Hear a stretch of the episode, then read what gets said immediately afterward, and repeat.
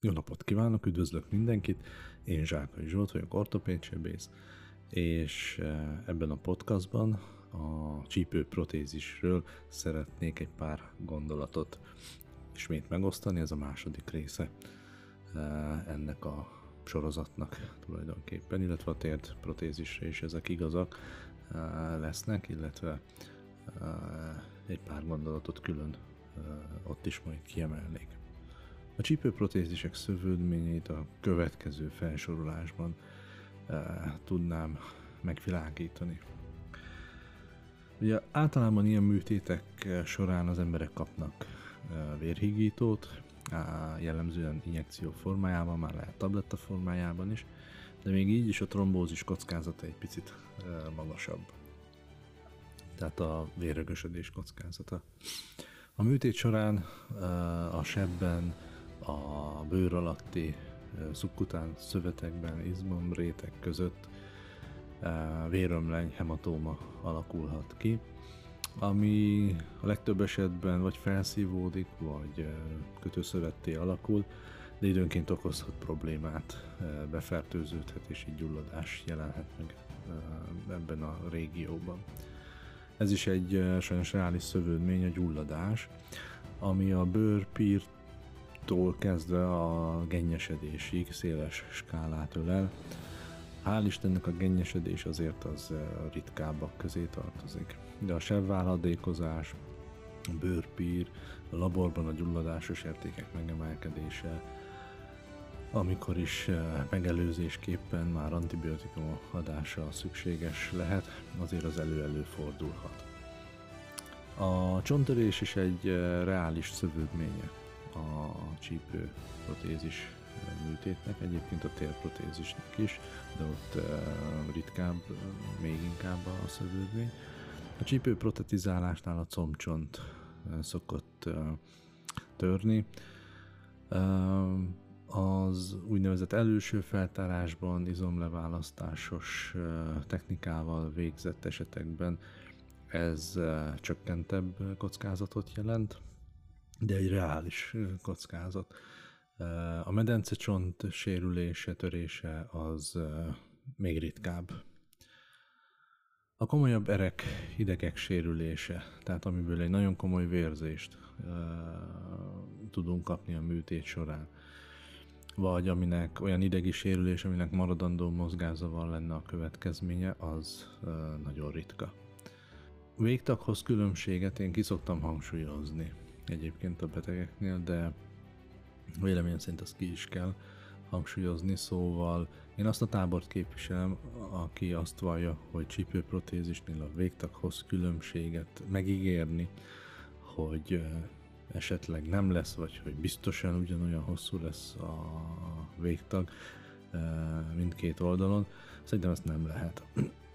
Természetesen figyeljük ezt műtét közben, igazából a protézis stabilitása a cél, és nagyon sokszor van olyan eset, vagy hát inkább úgy mondom, hogy sokszor van olyan eset, amikor a stabilitás miatt egy nagyobb, hosszabb rendszert kell beültetni, amit az egyéb módosító technikákkal sem tudunk annyira már befolyásolni, hogy ugyanolyan hosszú legyen a végtag, magyarán végtag hosszabbodás bizony lehet ha ezt hozzáveszünk azt is, hogy a fejlődési rendellenességek miatt, vagy csúnya előre haladott kopás miatt eleve egy jelentős végtag uh, hossz különbség volt műtét előtt már, akkor szerintem az laikusnak is nyilvánvaló kell, hogy legyen, hogy azt megígérni, hogy az biztosan szintbe tudjuk hozni, azt nem lehet, aki ilyet mond, szerintem nem mond igazat törekedni kell rá, törekszünk és rá, biztos, hogy benne mindenki eh, az ortopéd sebészek között, de ugyanakkor erre garanciát adni nem lehet eh, a stabilitásra. A stabilitás viszont eh, nagyon fontos, és a műtéti technikánál ezt szerintem nézni is kell. A zsibbadás kialakulása is egy reális szövődmény. Ennek jellemző módon semmi egyéb tünete nincsen, ritkán zavaró mértékű. Az izomleválasztás nélküli technikánál az eseteknek egy magasabb százalékánál előfordul a comb külső oldalán egy elég hosszú ideig tartó zsiborgó érzés, ez általában regenerálódik, de időnként megmarad hosszabb távon vagy akár örökre. Ennek megvan az oka, ott az anatómiai régióban, műtéti területen fut egy vékony kis bőrideg, ami ezt okozza, és az hegesedik, vagy műtét közben meghúzódik, sérül, akkor ha tud regenerálódni, akkor regenerálódik, de nyilván ezt utólag fogjuk megtudni. Ritkán jelezték vissza ezt zavaró mértékben a saját praxisomban is, de szinte érdemes róla tudni. Illetve a ficam, mint következmény, az is hát egy pár szót érdemel, ezt később majd kifejtjük, hogy mik azok a tiltott mozgások, amiket nem is célszerű csinálni, illetve a törés, a protézis közeli törések, amik műtét után is lehet probléma forrás, jellemzően valamilyen traumát, esést, balesetet követően alakulnak ki ezek. A csípőprotézis szövődményei közül vannak a korai, közép és a hosszú távon kialakulók.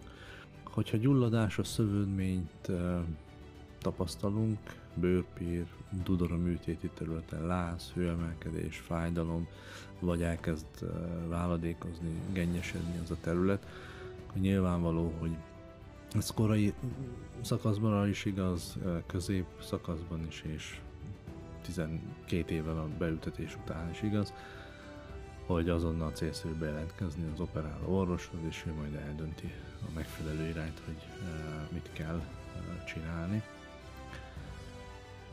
A késői jelek azért egy picit nagyobb kiemelést igényelnek, mert hajlamosak a betegek húzni egy picit, hogy eddig se volt probléma, hát mi most lenne. Igazság szerint ezt úgy kellene értelmezni, hogy az első komolyabb jelek és tünetek kapcsán mindenképpen jelentkezzünk be az ortopéd sebészhez. Egyébként is én azt gondolom az a jó hozzáállás, hogyha bizonyos időközönként évente azért megmutatjuk magunkat a választott orvosnál. Utaltam már a ficamra, utaltam már, hogy bizonyos tiltott mozgások is vannak, amiket nem célszerű viselni, a csípő, vagy végezni a, a csípőprotézis beültetés után. Ezek e, például a láb keresztbetétele, ezt nem célszerű végezni, mélyre ülni, hajolni. Sosem célszerű csípőprotézis után. Lábunkkal vagy lábfejünkkel egy irányba nézni, majd törzsünkkel valamilyen oldalra fordulni. Megint csak a ficam kockázatát rejti magában. Úgyhogy a rendszer biomechanikája, miatt ezeket egész életünkben tilos végezni, akkor járunk el helyesen, hogyha kicsit az életmódunkat, a mozgás kultúránkat hangoljuk hozzá az új helyzethez, a protetizált helyzethez. Térd e, protézis esetén az általános szövődmények e, ugyanazok, e, említ, kicsit talán az érés ideg sérülés veszélye magasabb, mint a csípőprotézis esetén, ugyanakkor a törések csonttörések, műtét közben kialakult csonttörések kockázata kisebb. Azonban van egy ö, ö, jellegzetessége a térprotéziseknek a csípőhöz képest, hogy nagyobb százalékban ö, tudnak ilyen terhelési fájdalmat okozni. Magam részéről biztos vagyok, hogy ha eltekintünk a rosszul kivitelezett műtéti technikától, rossz tengelyektől, síkoktól, hanem egy normál, eh, jó helyzetben beültetett protézis esetén is ilyen terhelési fájdalom kialakul, az nagyon sok esetben túlterhelésnek a következménye. Nem feltétlenül a túlterhelés arra kell gondolni, hogy valami nagy eh, munkát, fizikai megerőltetődést végzünk, simán a testsúly is lehet egy hosszú idő alatt fent fennálló túlterhelése a délprotézisnek, és bizony az okozhat panaszt. Ezért nyugaton egyébként ez a kizáró okok közt is szerepel a nem megfelelő BMI, tehát a testsúly, testtömeg, testtömeg index, ez kizárók lehet a protetizálásra Magyarországon, ez még annyira nincs elterjedve a köztudatban, de szerintem minden ortopédsebész, aki komolyabb mennyiségben végez ilyen típusú műtéteket, felhívja a testsúly kontrollra a figyelmet. Nem célszerű egy korai kilazulást, egy fájdalmas protetizált izületet nem célszerű kockáztatni csak azért, mert extrém testsúly kell elviselni a, a rendszernek. Ezekről szerettem volna ebben a podcastban beszélgetni, remélem hasznos információkat hallhattak. Ha igen, akkor megköszönöm, hogy végighallgatták, köszönöm, hogy itt voltak, és minden jót, további szép napot kívánok!